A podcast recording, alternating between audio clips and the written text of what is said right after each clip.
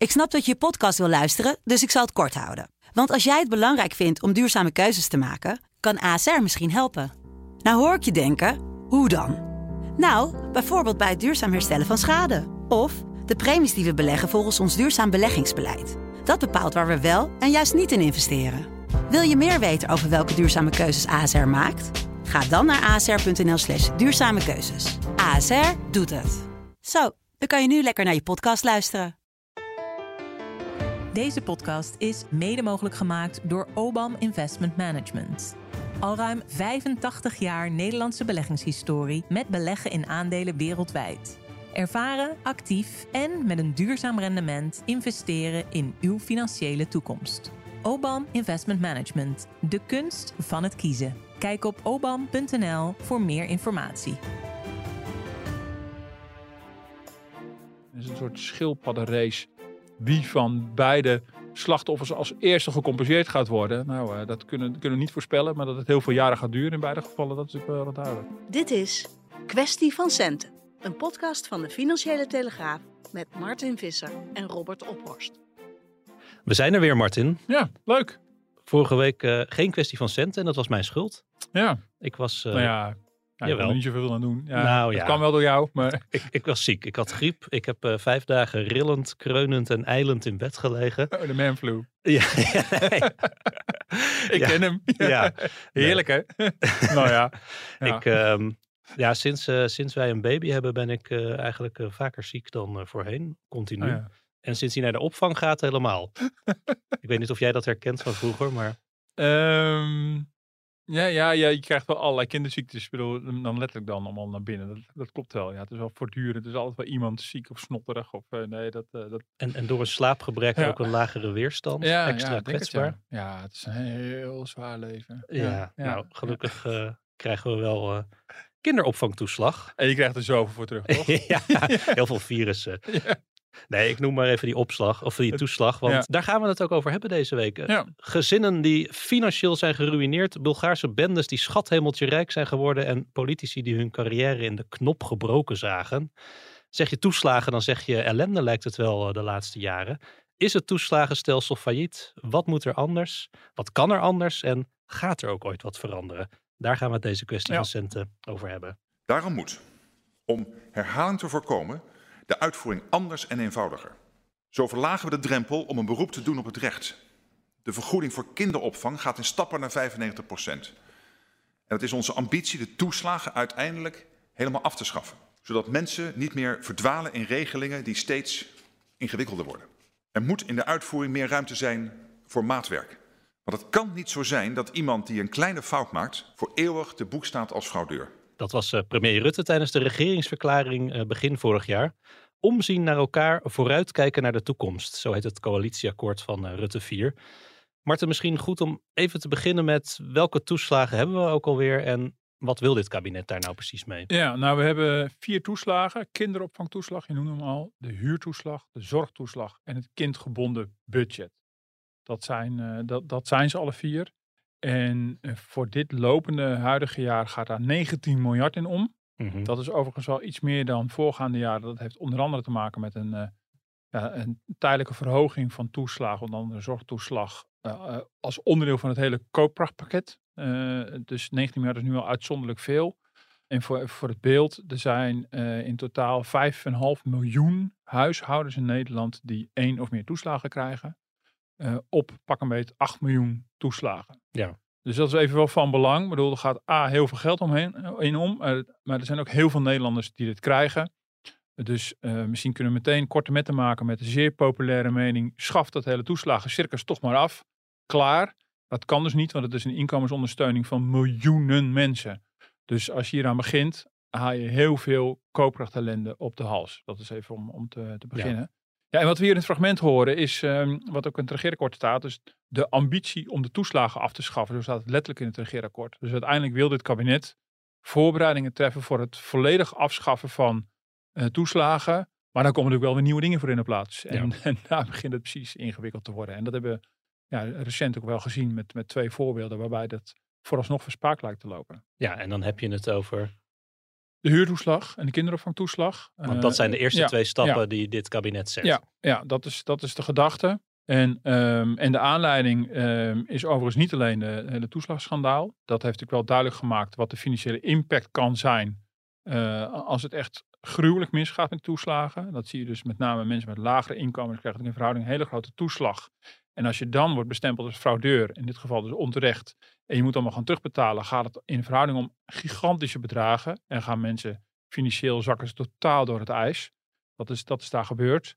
Ehm, maar dat is een soort eh, extreme uitwas van een groter, eh, van een, van groter, van in ieder geval van een echt fundamenteel probleem met die toeslagen. Eh, en dat zie je daar wel in weerspiegeld. Eh, namelijk dat de bedoeling van die toeslagen was om mensen financiële stabiliteit en zekerheid te geven. Maar het blijkt een bron van onzekerheid. Daar wil men toch vanaf. En dat de gedachte is van een soort grand design te maken voor eh, de aanpak van het hele toeslagenstelsel. Die ambitie om het helemaal af te schaffen. En stapsgewijs te beginnen bij de huurtoeslag Hugo de Jonge als woonminister. Nou, inmiddels is dat dus al mislukt. Want eh, daar is maar een beperkte aanpassing eh, wordt daar gedaan. En, en wat nog in de, in de is, is een aanpak van de kinderopvangtoeslag. Een nieuwe een herziening daarvan. Grotendeels gratis maken van kinderopvang. Maar ja, het is minder dan grotendeels. Er blijft nog Mhm. een percentage dat mensen wel moeten betalen. Is weer inkomensafhankelijk. Er blijft wel iets van een regeling bestaan. En ja, dat loopt vooralsnog heel moeizaam. Ik kijk er enorm naar uit. Ik kijk er Ja. enorm naar uit. Ja, nee, eh, ik ben wat minder eh, voor het eh, gratis maken van kinderopvang, moet ik zeggen. Want mijn oudste gaat nog maar één, van mijn jongste gaat nog maar één dag naar de opvang. Dus Mhm. ja, ik heb helemaal niks meer aan. Dus Nee. En jij weet wel, als we dingen gratis maken tussen aanhalingstekens via een andere omweg, betaal je er toch voor. Daarom. Dus ik, had het, ik was er voorstander van geweest een heel aantal jaar geleden. Toen mijn beide kinderen nog vier dagen in de week gingen. Ja. Dan had ik maximaal geprofiteerd. En nu, eh, nee, maar dat is natuurlijk heel particulier, natuurlijk flauw. Maar eh, nou, je ziet wel dat, eh, ja, het klinkt overigens heel extreem het gratis maken van kinderen, kinderopvang. Maar je zag het in heel veel verkiezingsprogramma's terugkomen. En ook wel in de ambtelijke adviezen die er zijn gegeven de afgelopen jaren. Want er zijn een behoorlijke stapels rapporten verschenen over wat is het probleem en wat is een, een mogelijke oplossing. En ja, die extreme variant van het gratis maken van kinderopvang is wel degelijk een van de aangedragen oplossingen. Omdat die namelijk alles zo eenvoudig maakt. Ja. Ehm, dus, dus daarom zie je ook wel dat, ja, omdat toeslagen zo ingewikkeld zijn geworden, dat er soms naar vrij extreme oplossingen wordt gezocht. Maar goed, ik snap ook wel dat het kabinet, of deze coalitie, vond het volledig gratis maken wel een paar stappen te ver gaan. En dat begrijp ik ook wel heel erg, want het is natuurlijk niet gratis. Dan betalen we dat met z'n allen. Dus een enorme solidariteit dan van, van mensen zonder kinderen in die leeftijd met, met mensen eh, die wel Maar nu zou het dan tot 95% vergoed Ja, worden. Maakt die 5% dan zoveel uit? Ja, blijkbaar. Inmiddels eh, is het alweer eh, verhoogd naar 96%. Dus het plan is ook alweer bijgesteld. Omdat voor, de, voor de allerlaagste inkomens voorzag een kinderopvang toeslag al van een zo groot deel in de kosten. Dat die erop achteruit zouden gaan als 95% eh, betaald zou worden door de staat. Dus die Mhm. betalen al bijna niet.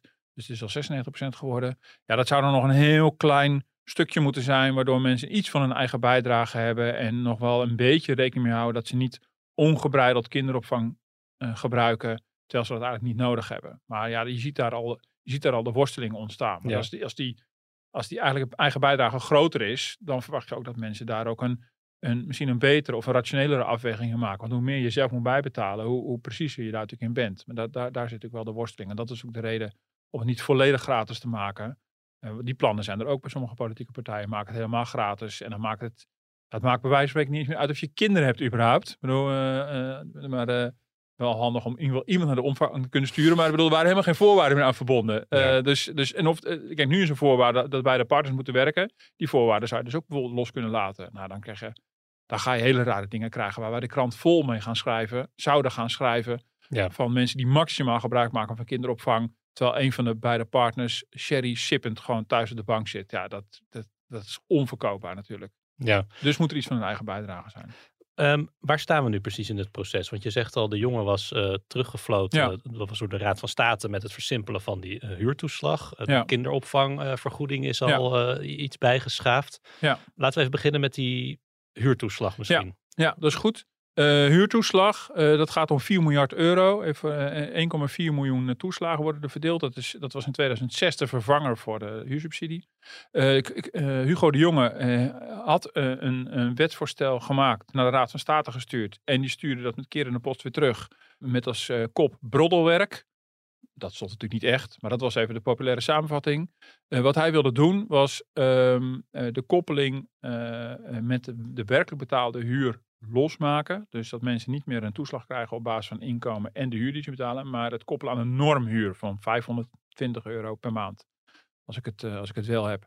Zodat dat het veel simpeler wordt. En dat je gewoon zegt, nou, je krijgt een toeslag. En het is aan jou om te kijken ja, hoeveel financiële ruimte je dan hebt voor een huurhuis. En als dat meer is dan, als dat huis meer dan 520 euro per maand kost, nou dan betaal je dat maar uit eigen zak. Dat is nogal snel Ehm, in Nederland. En dat is nogal snel in Nederland. En nou, er kwam een hele lading aan. Het is wel een, echt een poging om het simpeler te maken. Dus het is zichzelf ook niet helemaal onlogisch om, Mhm. om het niet meer zo precies te doen. Eh, dat je zegt, nou, je doet het niet helemaal op de exacte huur. Zodat het allemaal moet meebewegen met die huur. Ehm, eh, dus dan krijg je een soort normhuur. Maar ja, eh, er waren hele trits bezwaren. Waren er. Tweederde van de huurders ging erop achteruit in het voorstel.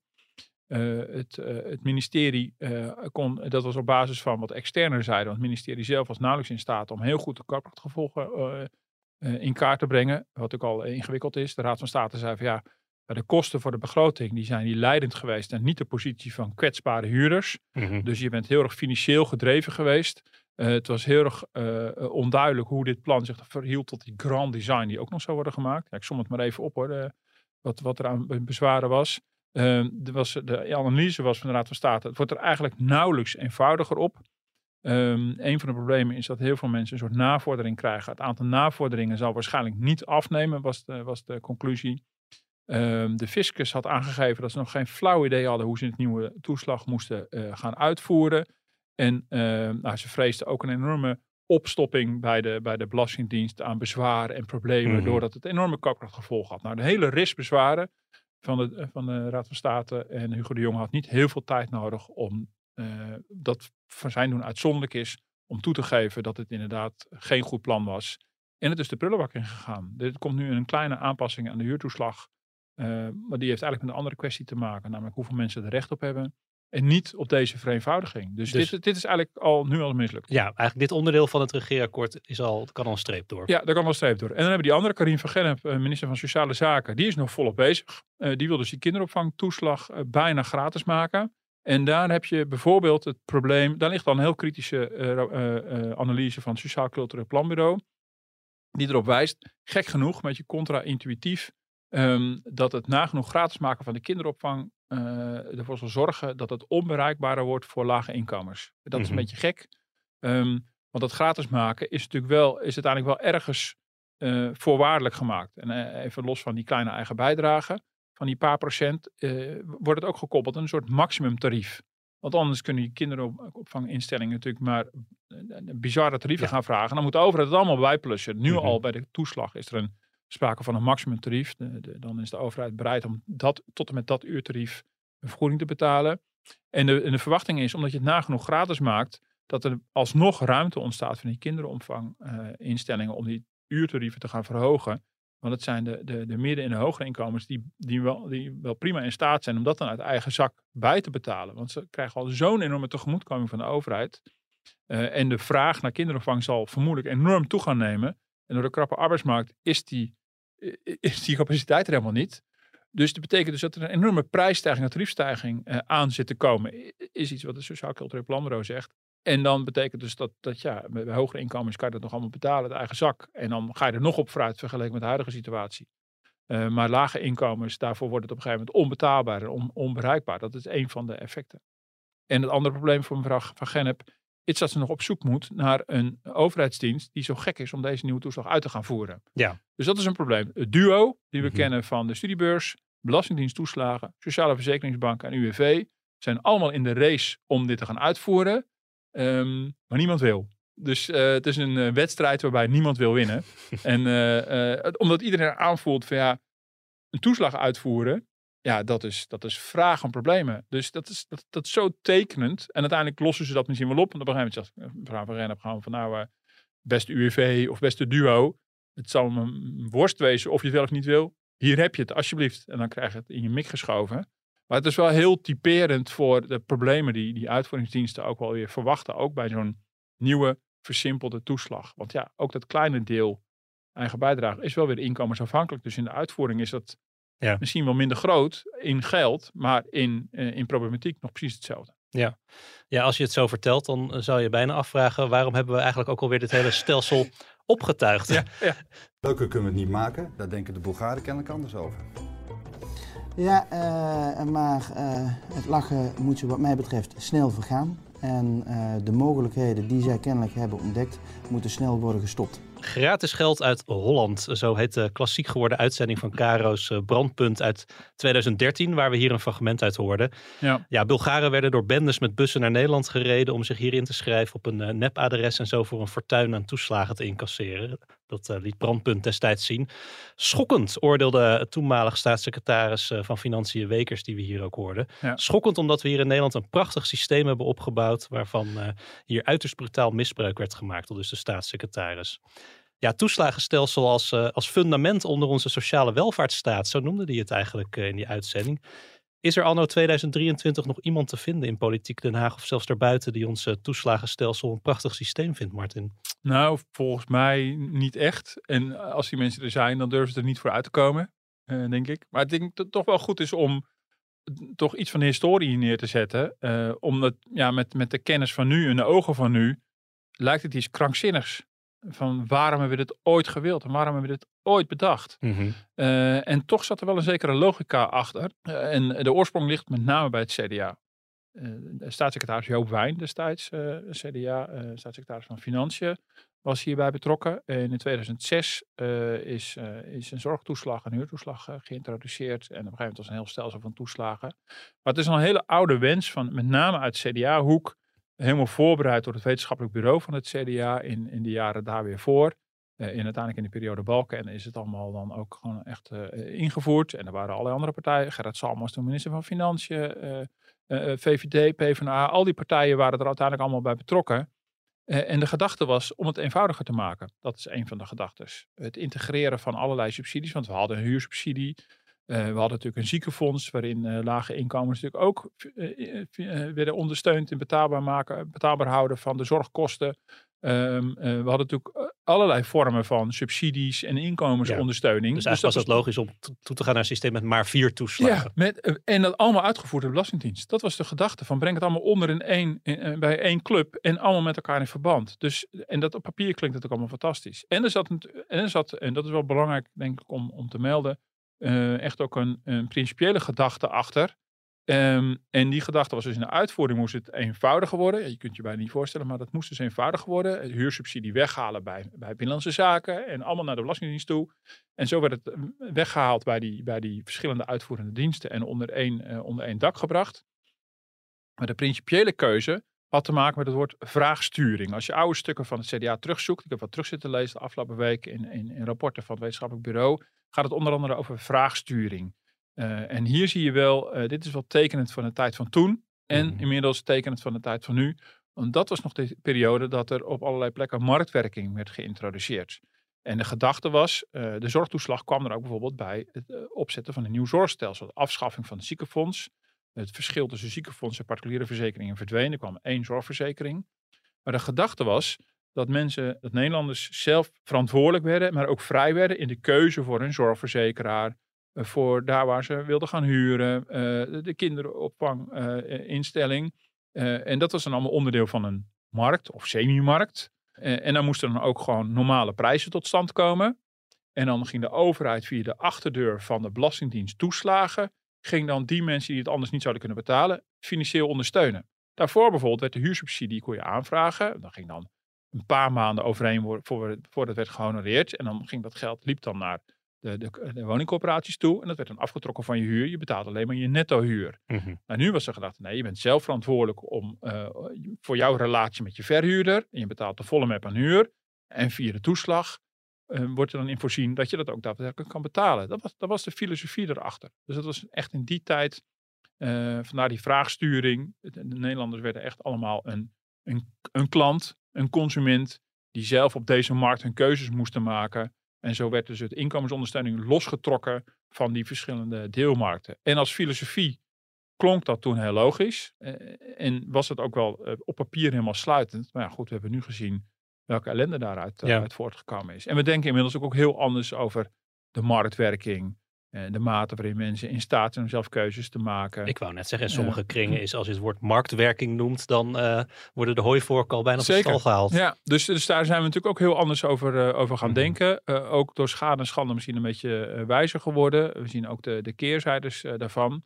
Ja, en vervolgens is het denk ik, wat ook een rol heeft gespeeld, is toch een, um, ja, een enorme overmoed met wat, wat wij organisatorisch ja, wat wij organisatorisch voor elkaar kunnen krijgen.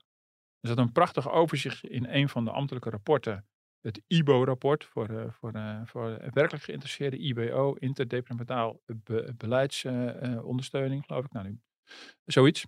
Um, waar in kaart wordt gebracht um, waar het misgaat met die toeslagen. En er is een overzicht waarbij gesteld wordt van je kan het heel tijdig doen en heel gericht doen. Dat is wat we nu doen. We doen mhm. de, de, de, maatwerk waarom, waarom Rutte in het eerste moment vroeg. Dat was precies de bedoeling van die toeslagen. Namelijk, de huursubsidie was altijd gebaseerd op de huur die je twee jaar geleden betaalde. Maar de huidige huursubsidie is gewoon bijna real-time. Net als de zorgtoeslag, een soort van real-time is. Je kinderopvangtoeslag is real-time. Dus je is heel erg direct gekoppeld aan wat er daadwerkelijk in dat ene jaar gebeurt. Dus je toeslagen fluctueren ook helemaal met wat er voortdurend gebeurt in, jou, in jouw situatie. Uh, en dat klinkt natuurlijk prachtig. Je zou denken in de tijd van digitalisering en automatisering moet het ook allemaal kunnen. En het is ook eens een keer heel gericht. Dus heel precies op mm -hmm. zoveel uur kinderopvang heb jij ingekocht. Dit is jouw inkomen. En als je volgende maand een klein beetje minder inkomen hebt, moet je dat weer doorgeven aan de Belastingdienst. En zo beweegt dat heel precies mee. Um, en wat staat er dan in dat, in dat tabelletje in dat IBO-rapport? Ja, daar staat, dan, daar staat uh, dat je heel erg gericht en tijdig kan zijn. Maar daar, zijn nog twee andere factoren die staan er tegenover. En die staan dus allemaal zwaar in de min. En dat is dat je zekerheid hebt en dat het begrijpelijk moet zijn. Dus als je het heel precies maakt en heel gericht, dus heel tijdig en heel gericht, uh, dan, dan, beweegt het prachtig mee met de werkelijke situatie. Um, maar de zekerheid die je eraan ontleent, is, is ver te zoeken. Want uh, net zo goed als jouw situatie makkelijk kan veranderen, omdat je partner ineens gaat ZZP'en, of omdat je ineens je baan verliest, of omdat je je, je in plaats van drie dagen, vier dagen gaat werken. Of dat je uh, een, een, een, kleine loonsverhoging krijgt. Ja, dat. Of dat, dat er ineens een kind bij komt. Dus er gaan allerlei dingen veranderen in jouw situatie. Mm -hmm. En, en, en datgene wat jij van, van de Belastingdienst toeslagen krijgt, be beweegt dus allemaal mee. Uh, en dan moet je het ook nog eens een keer op tijd allemaal doorgeven. Want als je dat vergeet, dan zie je het in een naheffing alsnog. Dus de zekerheid, uh, die, die, die valt uh, weg, gecombineerd met de begrijpelijkheid. Want dat is ja. steeds ingewikkelder geworden. Ik zat te zoeken bijvoorbeeld, wie heeft er nou recht op een kindgebonden budget? Ik moest echt zoeken van, wat is dat eigenlijk voor een ding? Een soort aanvulling op de kinderbijslag. Um, en dan zie je allerlei websites die uitleggen wat het is. En dan wordt er gezegd, ja, je hebt er recht op als je aan bepaalde inkomensvoorwaarden voldoet. En ik zit te zoeken van waar staan die inkomensvoorwaarden dan? En dan krijg je een rekentool waarmee je uit kan rekenen of jij aan die... Dus het is niet heel helder in, in, in twee, drie zinnetjes op het internet. Ja. Oh, dan heb ik wel recht op en dan heb ik het niet op. Nee, dan moet je helemaal je situatie invullen. En dan waarschijnlijk moet je je belastbare inkomen invullen. En ik heb belastbaar, wat is ook weer belastbaar inkomen? Ik heb een bruto inkomen, ik heb een netto inkomen. Belastbaar inkomen, wat is dat voor een ding? Ja. Nou, dan moet je dus allemaal weten voor die toeslagen. En dan de begrijpelijkheid, uh, ja, nou, die moet, is zo ver te zoeken dan. Ja, ik moet zeggen, wij, wij hebben dus onlangs die kinderopvangtoeslag aangevraagd. Maar dan moet je ook een, een, een hele batterij aan gegevens invullen. Ja. Maar dat gaat echt zelfs zo ver als hoeveel uh, hoeveel rente betaal je per maand uh, aan je, voor, voor je hypotheek. Dan niet het percentage, maar het rentebedrag. Oh ja, ja. Dus ja. Nou, ik had ook geen idee, dus moest ja. ik zelf bellen met de bank om dat, uh, om dat na te vragen.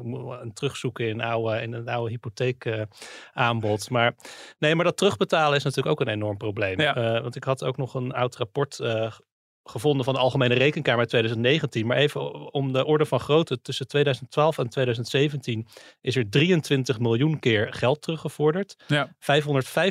550.000 huishoudens hadden langer dan twee jaar nodig om een toeslagschuld terug te betalen. Ongelooflijk hè? Voor meer dan de helft van de huishoudens was de omvang van hun toeslagschuld groter dan 10% van hun netto maandinkomen. En bij 9% van de huishoudens liepen vier of meer terugvorderingen tegelijk. Ja, ja. Nou, voor mensen die geen toeslagen krijgen en denken van nou, dan doen, dan doen deze mensen allemaal iets verkeerds. Toch heel simpel uh, hoe het werkt. Voor mensen die er echt geen ervaring mee hebben. Nou, jij weet het inmiddels ook. Je vraagt een toeslag aan, bijvoorbeeld een kinderopvangtoeslag. Uh, dat gaat al snel om relatief veel geld, want kinderopvang is hartstikke duur. Um, dat vraag je aan. En je moet zelf een inschatting maken van al die dingen die jij net opnoemde. Ook je belastbaar inkomen van jou en je partner, hoeveel uur je gaat gebruiken. Dat vul je allemaal in. Je moet zelf elke wijziging doorgeven aan de Belastingdienst. Klinkt allemaal logisch, maar dat is ook zo snel vergeten als er iets veranderd is. Eh, en dan, eh, ehm, ik heb het ook de eerste keer dat ik het deed ook gevraagd aan- bij de Belastingdienst. Ja, oké, maar ik weet niet precies wat mijn belastbaar inkomen gaat zijn. Nou, dan zeiden ze van nou, u kunt het beter wat te laag, nee, wat ook, iets beter iets te hoog inschatten. Want Mhm. dan krijgt u iets te weinig toeslag. Dan krijgt u het jaar erop krijgt u dan een nabetaling. Want anders krijgt Ja. u een naheffing. Dat is heel Ja. vervelend. Nou, eh, want de gedachte is, dan heb je het over, nou, over dit lopende jaar, 2023. Dan krijg je een jaar lang krijg je die toeslag. Nou, hartstikke fijn. Dan ga je volgend jaar in april ga je, je belastingaangifte invullen. Ehm, dan weet de Belastingdienst ergens in, in eh, mei, juni, juli wat dan eh, de- definitief jouw inkomen voor 2023 is geweest. En dan gaat daarna de dienst toeslagen met die informatie aan de slag om uit te rekenen wat jouw werkelijke toeslag eh, had moeten zijn in 2023. Dan zijn we dus al, al diep in 2024 en dan krijg je te horen Of je na moet of terug moet betalen of nog wat geld extra Precies, ja. Nou, en eh, ik heb ook wel wat cijfertjes opgezocht. Eh, gemiddeld genomen in, in, in lopende jaren wordt in 47% dus bijna de helft van de gevallen, is er een naheffing, een terugvordering of een nabetaling. Dus je Mhm. krijgt of een beetje geld terug, of je moet, eh, of er wordt wat Dus gevorderd bijna de helft van de gevallen is het niet goed gegaan. is het niet goed gegaan. En dat kan ook bijna niet anders. Dat is precies die tijdigheid en gerichtheid. Omdat het zo secuur komt en zo precies komt. En ik ook mijn belastbaar inkomen niet precies kan uitrekenen. Ik kan hem ongeveer benaderen inmiddels. Want je moet bijvoorbeeld de hypotheekrenteaftrek. Die, die gaat er dus vanaf. Dat is ook wel heel grappig. Dus mensen die met een eigen huis hebben ook, eh, krijgen dus in verhouding meer toeslag. Omdat ze de hypotheekrente van hun inkomen mogen aftrekken. Dus hun belastbaar inkomen is daardoor lager. Dus het is een bevoor- bevoordeling van mensen met een eigen huis boven, boven huurders. Maar goed, eh, wat- wonderlijk effect, maar zo werkt het. Eh, en dat moet je dus heel precies kunnen uitrekenen. En dat, dat gaat bijna nooit exact goed. Zeker niet als bij een kinderopvang eh, toeslag. Zo'n zorgtoeslag is voor me veel stabieler. Mhm. Eh, maar bij, bij kinderopvang er zijn Ja. zoveel factoren die veel bewegelijker zijn. Daar hoor je ook eh, minder klachten over, hè, over de zorgtoeslag. Ja, ja, en dat gaat wel om. eh, En inmiddels wordt dat, nou, dat zit niet voor niks in hun koopkrachtpakket. Dat wordt echt bijna als een soort fiscaal instrument inmiddels ook gebruikt. Dus dat was ook de gedachte, ook destijds al, ook van het CDA en andere partijen. Van nou, als je dat A, qua uitvoering allemaal in huis brengt bij de Belastingdienst. Dan kunnen we dat ook veel meer inzetten in het hele koopkrachtinstrumentarium. Het werden toen ook meer eh, inkomensafhankelijke eh, regelingen genoemd en niet meteen toeslagen. Ehm, eh, dus dan, dan heb je natuurlijk, je kan aan belastingtarieven draaien, maar je kan dus ook aan die toeslagen gaan draaien. En je ziet dus nu ook, de zorgtoeslag wordt gebruikt voor het koopkrachtpakket. En je ziet ook wel, er wordt gesproken over dat er ook voor volgend jaar weer koopkrachtondersteuning moet komen. En misschien moet er dan weer een energietoeslag komen. Dan ga je een soort inkomensafhankelijke toeslag maken, gekoppeld aan jouw inkomen en aan je energierekening. En dan voeg je eigenlijk aan deze vier toeslagen een vijfde toe. Dus in plaats van dat we minder toeslagen hebben, maar nu zitten we al een beetje in de toekomst van de toeslagen. Ja. Eh, en ik weet dat het voor jou het blokje 3 was. maar eh, dit is alvast een voorzetje. Dan hebben we straks in plaats van vier toeslagen eh, die eigenlijk afgeschaft moesten worden, hebben we er straks vijf. Ja, nou mensen denken blokje drie, blokje drie. We we verdelen zo'n podcast altijd in, in drie blokken qua onderwerpen. Ehm, we hoorden net eh, brandpunt, hè, 2013, dat was die Bulgare-fraude. Ja. Ehm, eh, toen werd er dus eigenlijk, eh, het, eh, wat, waren we een beetje te laks. Er werd achteraf pas gecontroleerd. Eerst werd geld gegeven, dan Ja. werd pas gecontroleerd. Toen kwam die fraude aan het licht. Daarna zijn we misschien te streng geworden. Ja. Waardoor dus ouders en gezinnen werden aangemerkt als fraudeurs gigantische bedragen moesten terugbetalen en eigenlijk te gronden zijn gericht. Is het nou allemaal dan begonnen in 2013 of zijn die, eh, is die onvrede over het stelsel er al eerder? Oh, veel eerder. Ja, al vrij snel eigenlijk. Bedoel, al vrij snel wa- wa- was de eerste, waren de eerste problemen daarmee. Maar dat ging toen niet per se om fraude, maar meer in uitvoeringsproblemen. Ja, in 2006 werd het ingevoerd, zorgtoeslag en huurtoeslag. En volgens mij in 2007, 2008, ik weet niet exact meer. Toen eh, wa- waren al de eerste analyses dat het in de uitvoering heel veel misging. Dat mensen te laat eh, wisten waar ze recht op hadden. En dat soort zaken. Kijk, en die Bulgare fraude is aan de ene kant een soort case op zichzelf. Mhm. Maar tegelijkertijd legde hij meteen ook wel het probleem van het systeem eh, heel goed bloot. Ik heb de handhaving van fraude. eh, ja, dat, dat, is, dat, is, dat is echt wel iets anders dan de fundamentele problemen met het toeslagenstelsel. Maar daarom kon je wel zien, ja, als je dus, als je dus uitgaat allemaal van voorschotten. en dan op basis van wat mensen zelf hebben ingevuld in goed vertrouwen. En je gaat achteraf nog eens een keer kijken eh, of het allemaal correct is geweest. Ja, dan is het dus ook mogelijk gebleken dat, nou ja, in dit geval die Bulgaren, eh, ja, allerlei eh, van die voorschot gingen incasseren en daarna met de Noorderzon waren vertrokken. Ehm, ehm, dus dus, dus, dat, die maakt heel handig gebruik van, van ja, de systematiek die hiermee eh, ehm, eh, was, was gemaakt. Ja, en toen werd die fraudebestrijding natuurlijk zodanig heftig. Nou goed, dat hebben we natuurlijk de afgelopen jaren allemaal kunnen volgen. eh, dat, eh, ja, dat de, de, de- met het hele toeslagenschandaal heel veel toeslagenouders natuurlijk eh, eh, hard, hard getroffen zijn. ehm, eh, ja, ook met dezelfde systematiek. Dat ja, allemaal op, op goed vertrouwen gegeven eh, eh, voorschotten. Ja, werden naderhand weer teruggevorderd. Eh, ja, en dat ging heel wat verder dan de reguliere terugvorderingen waar we het net over hadden. Dat ging dus over het terugeisen van over meerdere jaren alle toeslagen. En dan werden gewoon mensen financieel totaal te gronden gericht. Dat is precies dezelfde systematiek. Ehm, eh, eh, dus nou, ik denk dat het niet de kern van het probleem met de toeslagen is, maar dat wel voor gezorgd heeft. Dat je ziet, nou, hier gebeuren we echt wel hele rare dingen. En blijkbaar zijn mensen met lage inkomens financieel zo afhankelijk geworden van die toeslagen. eh, dat daar ook ja, de kwetsbaarheid van die lage inkomensgroep is hier definitief wel aangetoond. En dan geef ik het woord eh, aan de heer Van der Lee van GroenLinks.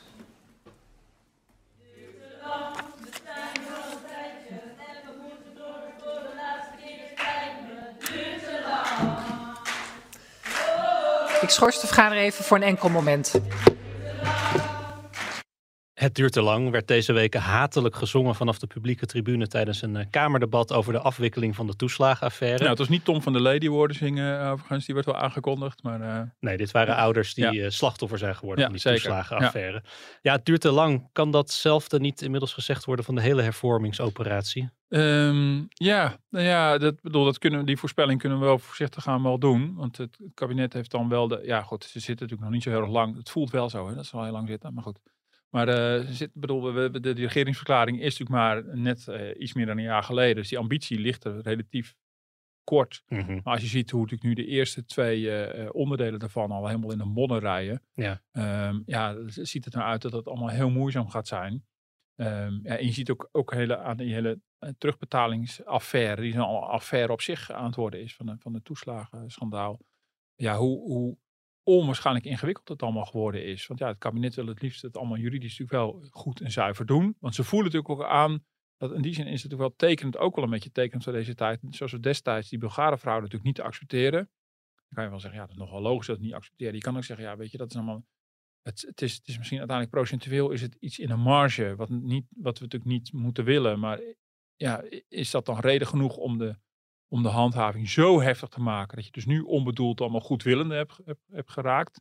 Ja, dat is natuurlijk nu voortdurende, een voortdurende balans is dat zoeken. Ik bedoel, aan de ene kant wil het kabinet natuurlijk ruimhartig allerlei toeslagenouders compenseren, maar tegelijkertijd ook wel weer niet zodanig dat allerlei mensen die er eigenlijk geen recht op hebben, ook allemaal heel veel eh, compensatie gaan krijgen. En daardoor eh, ja, krijg je dus ja, dat het mogelijk tot 2030 eh, gaat duren. Mhm. En eh, ja, zie je bij de toeslagenouders hetzelfde gebeuren als bij de, de slachtoffers van, van, de, van de gasboringen in Groningen. Eh, wat ook heel lang gaat duren. En is een soort schildpaddenrace. Wie van beide slachtoffers als eerste gecompenseerd gaat worden. Nou, eh, dat kunnen, kunnen we niet voorspellen. Maar dat het heel veel jaren gaat duren in beide gevallen, dat is natuurlijk wel duidelijk. Ja, jij schreef een paar weken geleden een column met als kop eh, de aanpak van toeslagen maakt me moedeloos. ja. Daarin som jij ook op wat er allemaal nu wordt onderzocht en al onderzocht is. Ja. Wat het probleem is, maar ook wat de alternatieven zijn. Maar eigenlijk, als ik het goed las, dan zijn we al jaren eh, in Den Haag poept rapporten uit van Ja. eh, wat, wat het probleem is. Nou, veel te complex geworden, te veel maatwerk. En eh, als je aan één knop draait, dan, zijn, eh, dan, dan, dan is het helemaal niet meer te overzien voor mensen Nee. wat er gebeurt. Maar de alternatieven zijn toch ook wel duidelijk. Maar die, het lijkt wel alsof die elk jaar weer een keer op een rij worden gezet. Ja, nou dat was hetgeen ook wat moedeloos maakte, zeg maar. Ik eh, ehm, eh, dat je ziet, er zijn al heel veel van die rapporten die allemaal heel degelijk zijn, die en de pro- problemen goed in kaart brengen en ook alle alternatieven op een rij zetten. En dan, eh, ja, dan heeft in december 2020 toenmalige staatssecretaris Van Huffelen een eindrapportage alternatieven gepresenteerd. Maar dan zijn we inmiddels bij een nieuwe staatssecretaris, Aukje de Vries. En die komt dan ook weer met eh, nieuwe brieven over de aanpak van toeslagen en, en alternatieven, probleemanalyse. En dan gaat de Kamer dan weer allemaal moeilijke procedurevergaderingen over. Ja, zo, zo begon die column een beetje. En ik van ja, come on jongens, we weten het allemaal al lang. Ja. Halverwege 2024 eh, komt staatssecretaris De Vries eh, met een plan waarin een paar opties om de toeslagen helemaal af te schaffen op een Ja, rij worden Dat gezet. is, natuurlijk heel, dat is natuurlijk bizar. Ik bedoel, ik snap wel dat het, ik snap wel dat het technisch en politiek allemaal ingewikkeld is. Maar we hoeven niet meer te bedenken hoe het moet. Nee. Ik bedoel, die, die opties zijn er allemaal al lang. Wat zijn die opties? Nou ja, de opties. eh, eh, ja, het, treurige is wel een beetje dat de opties die de jongen en Vergennep nu aan het uittesten zijn geweest, zijn wel een van de opties. Dus dat maakt het ook wel ingewikkeld. Het is, het is niet helemaal krankzinnig wat, wat deze twee ministers aan het proberen zijn geweest. Ehm, eh, dus dat zijn wel, kijk, als we het hebben over dat het heel gericht en heel tijdig is nu, zoals dan die ambtenaren hebben, eh, hebben gezegd, dat is echt heel erg on time. eh, ja, als je zegt, van, maar dat willen we niet meer, dan moet je natuurlijk kiezen naar die, naar die andere twee factoren, naar de zekerheid en de begrijpelijkheid. Dat iets, dat iets, eh, dat een regeling eenvoudig is en te begrijpen voor iedereen. Dus dan moet je hem zin simpeler maken en meer zekerheid geven. Dat betekent bijvoorbeeld dat je ervoor kiest ehm, dat je niet meer zo specifiek die toeslagen koppelt aan, aan, aan elke millimeter die je opschuift in, in jouw inkomenssituatie of in jouw werksituatie of in je huursituatie. En vandaar dus niet heel onlogisch dat Hugo de Jong een poging deed om de toeslag niet meer te koppelen aan de werkelijke huur, maar aan de normhuur. Dus op zich is dat Maar dan zie je meteen onlogisch. wat er gebeurt. In dit geval ging dan Ja. drie kwart van de mensen er Ja. geloof ik op achteruit. Dan was dat in sommige gevallen maar iets van 50 of 100 euro. Maar goed, mensen gingen erop achteruit in, in meerderheid. Ja, en dan staat natuurlijk weer iedereen op zijn achterste benen. Want dat is niet de bedoeling. Nee, exact. Dus heb je een soort systeem waarin je niet meer voor of achteruit kan. En ik denk dat je op het begin, eh, eh, is te realiseren dat, dat eh, het hervormen hiervan en het simpeler maken gewoon heel veel geld gaat kosten. Want het is, heel, het is, het is niet ongewoon dat überhaupt een hervorming van het belastingstelsel altijd heel veel geld Ja. kost. Een soort smeermiddel dat je nodig hebt. Een aantal miljarden heb je nodig om alle onbedoelde corporate effecten toch op te vangen. Ehm, dus je kunt dit niet met een gesloten portemonnee doen. Dat is onmogelijk. Ehm, eh, dus daar begint het mee. En dat zul je dan vrij secuur in kaart moeten brengen. Want het probleem is als je nu, en als je nu een regeling hebt die heel precies is toegesneden op elke individuele situatie, weet je ook dat als je het eh, meer algemeen gaat maken, meer generiek, ehm, dat je dus helemaal geen recht meer doet aan al die specifieke situaties. Dus dat je mensen allemaal iets ontneemt waarvan ze het gevoel hebben dat ze daar recht op hadden. Dus dan krijgen ze allemaal nou, er zullen ook mensen zijn die dan meer toeslag krijgen bij een generieke regeling. Maar de andere hoeveelheid nee, krijgen weer minder toeslag. En die wil je allemaal compenseren. Omdat je al die effecten wil je allemaal wegpoetsen. Ehm, dus in die zin is het gewoon een, een helse klus. Ja, ik. Kan het, ik kan het niet mooier maken dan dat. En wat je ook gaat krijgen, bijvoorbeeld, als je zegt, nou, we koppelen dus niet meer aan de huur die je daadwerkelijk, om dat voorbeeld nou even te vast te houden, daadwerkelijk op dit moment in deze maand betaalt. Maar bijvoorbeeld de huur van T-2, zoals het vroeger was. Dus een simpeler, lomper systeem. Van, nou, die maar een aanvraag in op basis van de huur die je tot nu toe altijd hebt betaald. En als je huur verandert, nou, dan, dan, dan, eh, dan moet, moet je toeslag veranderen. Maar die verandert niet ogenblikkelijk. We gaan geen navordering of naheffing meer doen. Maar die verandert dan met vertraging. Ja. Dus zulke soort dingen ga je krijgen. En dat voelt misschien heel onlogisch. En je denkt, ja, we hebben toch een geautomatiseerd systeem waarbij we Mhm. heel precies... Ja, maar dat precies heeft ons juist in die problemen gebracht. Dus het zal veel generieker moeten.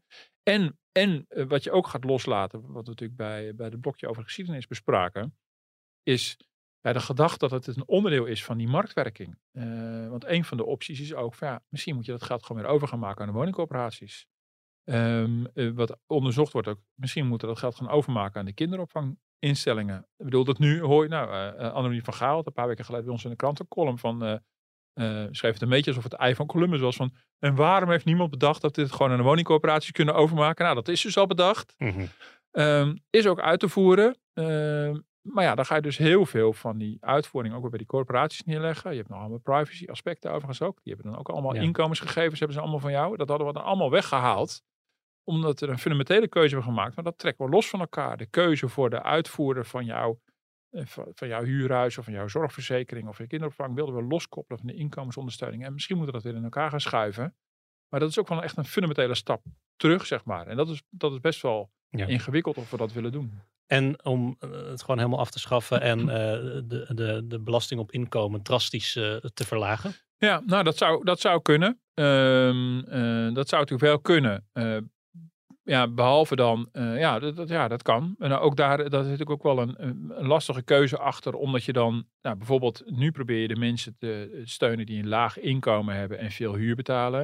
Ja, en dan ga je alleen de mensen steunen met laag inkomen. Ongeacht of ze veel huur betalen. Mhm. Ehm, ehm, dus ook dat is natuurlijk een stap terug uit die hele precieze, dat maatwerk. Ik het kan dus allemaal wel. En misschien moet je naar dat soort dingen ook toe. Dat is ook een generieke aanpak. En dat is ook allemaal ook bedacht. Van misschien moet je daar helemaal bij wegblijven. Maar ja, vroeger hadden we ook een huursubsidie. Was het ook niet voor niks. Dus blijkbaar eh, is die inkomensondersteuning nodig. Ja, je kan, eh, ik heb een aantal jaar in België gewoond. Daar gaat zoveel overheidsgeld naar die in kinderopvang bijvoorbeeld. Dat de eigen bijdrage van ouders echt in verhouding tot Nederland echt belachelijk weinig is. Dat is echt bizar weinig. Eh, ehm, dus dat kan natuurlijk ook. Maar dan, gaat, het- dan, ga je de overheid veel groter maken, wordt de collectieve sector weer veel groter. ja, dus, dus, best, dus, dus in die zin is het echt een enorme Ja. omslag in het denken. Dat voel je natuurlijk aan alle kanten. Je, je gaat echt dus, een- ja, iets wat toen een principiële keuze was, richting meer keuzevrijheid, meer eigen verantwoordelijkheid en meer marktwerking, is eigenlijk een soort, is eigenlijk een soort, soort stap weer terug. Ja, en passen onze uitvoeringsorganisaties daar nog bij. Hè? Ik bedoel, willen wij bijvoorbeeld dat, dat onze kinderopvang de facto gewoon helemaal door de overheid wordt gesubsidieerd rechtstreeks? als het gewoon particuliere partijen zijn, waar misschien ook wel private equity in zit. Ja, weet je, dus dat, ja, we, zijn een pad ingeslagen waar niet zo heel makkelijk meer Nee. van terugkomt. En aan elk alternatief zitten dus enorme nadelen. Ehm, ja. Ja, nee, nu snap je dus de kop van die, Ja. van die beter, beter. Want het was, dit was op papier was het prachtig. Ja. Maar het is, in de praktijk is het een hel geworden. Het is Maar we willen, we willen oplossingen, meneer Visser. Ja, ja, ja, Perspectief, ja, een ja. stip aan de horizon. Ja, nee, dat, nee terecht. Terecht dat je dat wil. Ja, en die stip is toch dat je naar, ja, op een manier naar veel algemenere, generiekere regelingen zal moeten. Waarbij je zal moeten toegeven dat, dat eh, die keuzevrijheid en eigen verantwoordelijkheid voor, voor een deel moet ingeleverd Ja. En dat sommige organisaties die we op afstand hebben geplaatst van de overheid, misschien weer dicht naar de overheid terug moeten. Waarbij de overheid natuurlijk ook niet zaligmakend is. Hè. Het is niet Nee, zo. alsjeblieft dat- zeg, alsjeblieft. ja, weet je, dus dit was ook niet voor niks ontstaan. Ik bedoel, eh, willen we weer terug naar de woningcoöperaties van vroeger? Ik weet het niet. Ik bedoel, ja, we hebben ook natuurlijk ons bekomst gehad van die woningcoöperaties die toen een aantal jaar geleden allemaal aan zelfverrijking deden en Ja, megalomane projecten. Dat eh, willen we ook weer niet. Maar het is echt een zoeken van waar... De Maserati-man hebben we hier nog vaak over precies, geschreven. ja. Hubert Dus- Mullerkamp heette Ja, die geloof en ik, waar, van, van, waar, staat, waar, waar, Ja. waar staan die organisaties nou precies in, in het veld van overheid en markt? Ja, Ja. dat is... eh, Er is nog een eh, ander praktisch hoofdpijndossier waar jij ook eh, vaak en cynisch over hebt geschreven. En dat is de Belastingdienst. Ja. De ICT-systemen van de Belastingdienst worden, worden geloof ik met plakband bij elkaar gehouden. ja, en paperclips. En paperclips. Ja, ja.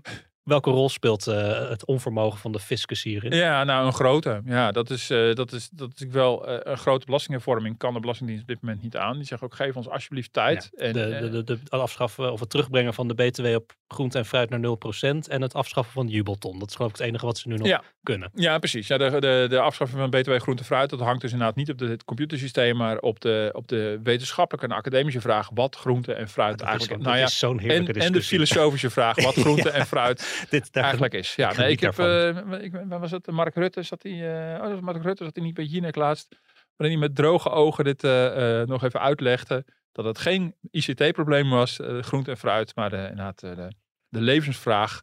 Ja, is, is- de, is tomatensaus op de pizza, is dat groente of fruit? Maar goed. was het niet in Amerika dat Nixon ooit had geopperd dat een zakje ketchup dat dat als groente of fruit moest gelden op Oh scholen? Ja, kijk, daar ga oh, ja.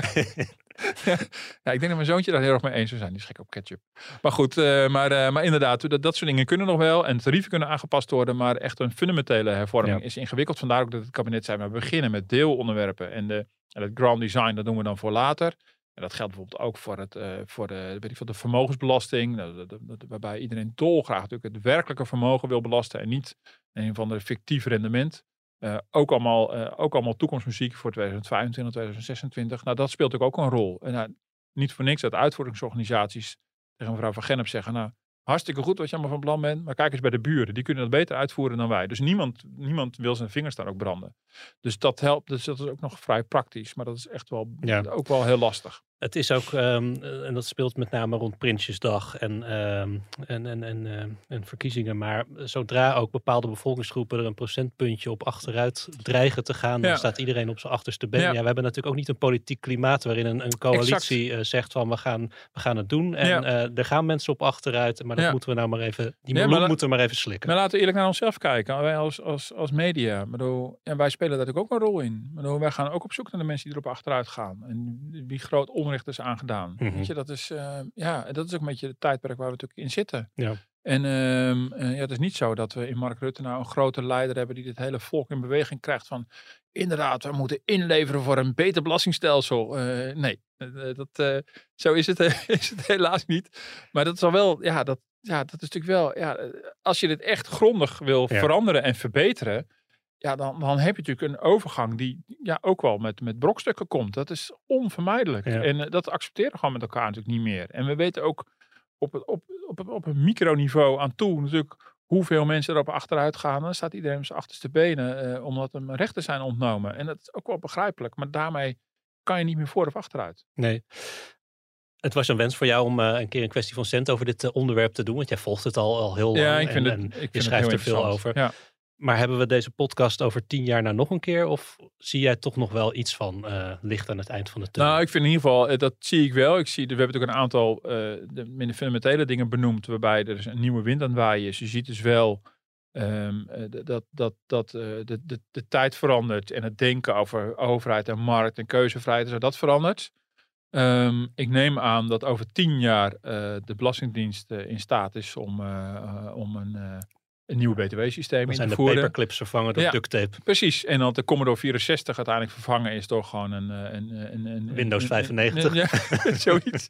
Door iets wat nog wel wordt. Ik bedoel, er zijn er systemen die bijna niet meer worden ondersteund. Hè. Dat, eh, maar goed, dat eh, de mensen die het systeem nog begrijpen... eh, eh, dan wel met pensioen zijn, dan wel al niet meer leven. Ik bedoel, eh, het is, het is, ja, we kunnen erom lachen, maar het is, het is vrij ernstig. Ehm, ja, ja, dat is ook een kwestie van tijd. En uiteindelijk moet dat toch een keer opgelost eh, eh, zijn, zou ik denken. Dus dit soort beweging gaat heel traag. Maar ik mag toch hopen dat er wel iets van, eh, iets, iets van vooruitgang zit. Omdat je natuurlijk wel ziet, de politiek inhoudelijk in ieder geval met, met hun neuzen wel behoorlijk dezelfde kant op staan. En dan, ja, nou, dan mag je toch hopen dat op een gegeven moment ook wel iets verandert. Ja, daar klinkt hij weer. De bel van de rondvraag. Ik zal maar even beginnen, maar ik was een Ja. paar weken terug naar een concert in Paradiso. Caroline Polacek. En eh, ik was met een vriend van mij, we zijn allebei in de 40. eh stampvol. Mhm. Ik heb nog nooit zo'n enthousiast publiek gezien. Iedereen was vrij jong, en super hip. Oh ja. Gingen helemaal uit hun dak. Dus ik stond daar, eh, we stonden elkaar aan te kijken, heel tevreden. Van Hm. bij, zie je wel, we kunnen het nog. We Oh ja. horen er nog bij, we voelen de tijdsgeest aan.